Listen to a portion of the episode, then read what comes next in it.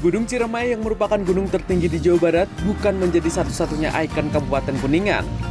Namun di wilayah ini terdapat beberapa ikon lain seperti kuda, lalu ada pula ikan kancra bodas atau biasa disebut ikan dewa dan bokor yang juga sering dijadikan tugu di sejumlah tempat di Kuningan.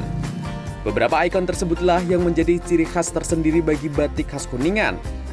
Layaknya batik daerah pada umumnya, corak yang tergambar dalam kain merupakan sesuatu yang khas dari daerah tersebut. Seperti halnya di salah satu pengrajin batik Kuningan di desa Cikubang Sari, Kramat Mulia. Pembuatan batik di sini tak jauh berbeda dari yang lainnya. Batik tulis masih dilakukan secara tradisional dengan menggunakan malam. Ada pula batik yang dilakukan dengan cara mencetak motif-motif yang sudah ditentukan. Kemudian dilanjutkan dengan proses pewarnaan dan lainnya. Dengan menonjolkan berbagai macam corak ikon khas Kuningan seperti kuda, ikan dewa hingga bokor menjadikan batik Kuningan ini memiliki karakter dan menjadi daya tarik tersendiri. Bahkan tidak sedikit sejumlah wisatawan mancanegara juga memburu keunikan batik Kuningan tersebut. Eh, belanja beli batik khas Kuningan buat oleh-oleh ya Wisatawan dari mana? sama ya Wisatawan dari mana? wisatawannya kadang dari dari Jepang juga pernah terus dari eh, Australia pernah lagi awal-awal mah ada dari Australia Apa yang menarik Bu dari coraknya kah atau apanya ini?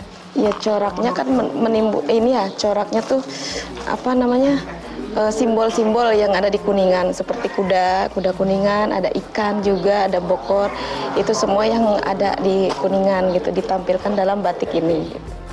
Untuk harga sendiri batik kuningan per kain dibanderol bervariatif mulai dari harga 150.000 hingga mencapai jutaan rupiah tergantung jenis kain dan corak batik dan tingkat kesulitan dalam proses pembuatannya.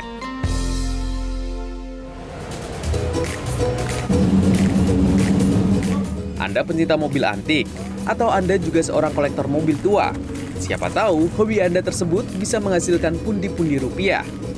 Seperti Muhammad Abdullah, 29 tahun warga desa Wonorejo, Lumajang, Jawa Timur yang memulai usaha dari hobi. Berawal dari kolektor, pada 2015 dirinya pun memberanikan diri membuka bengkel restorasi. Deretan mobil antik mulai tahun 1946 hingga tahun 1970-an kini berjejer di rumahnya. Seperti mobil Pontiac tahun 1946 bekas kendaraan bagi kedutaan besar era Presiden Soekarno yang dapat ia ubah menjadi mobil klasik dengan nilai jual yang tinggi.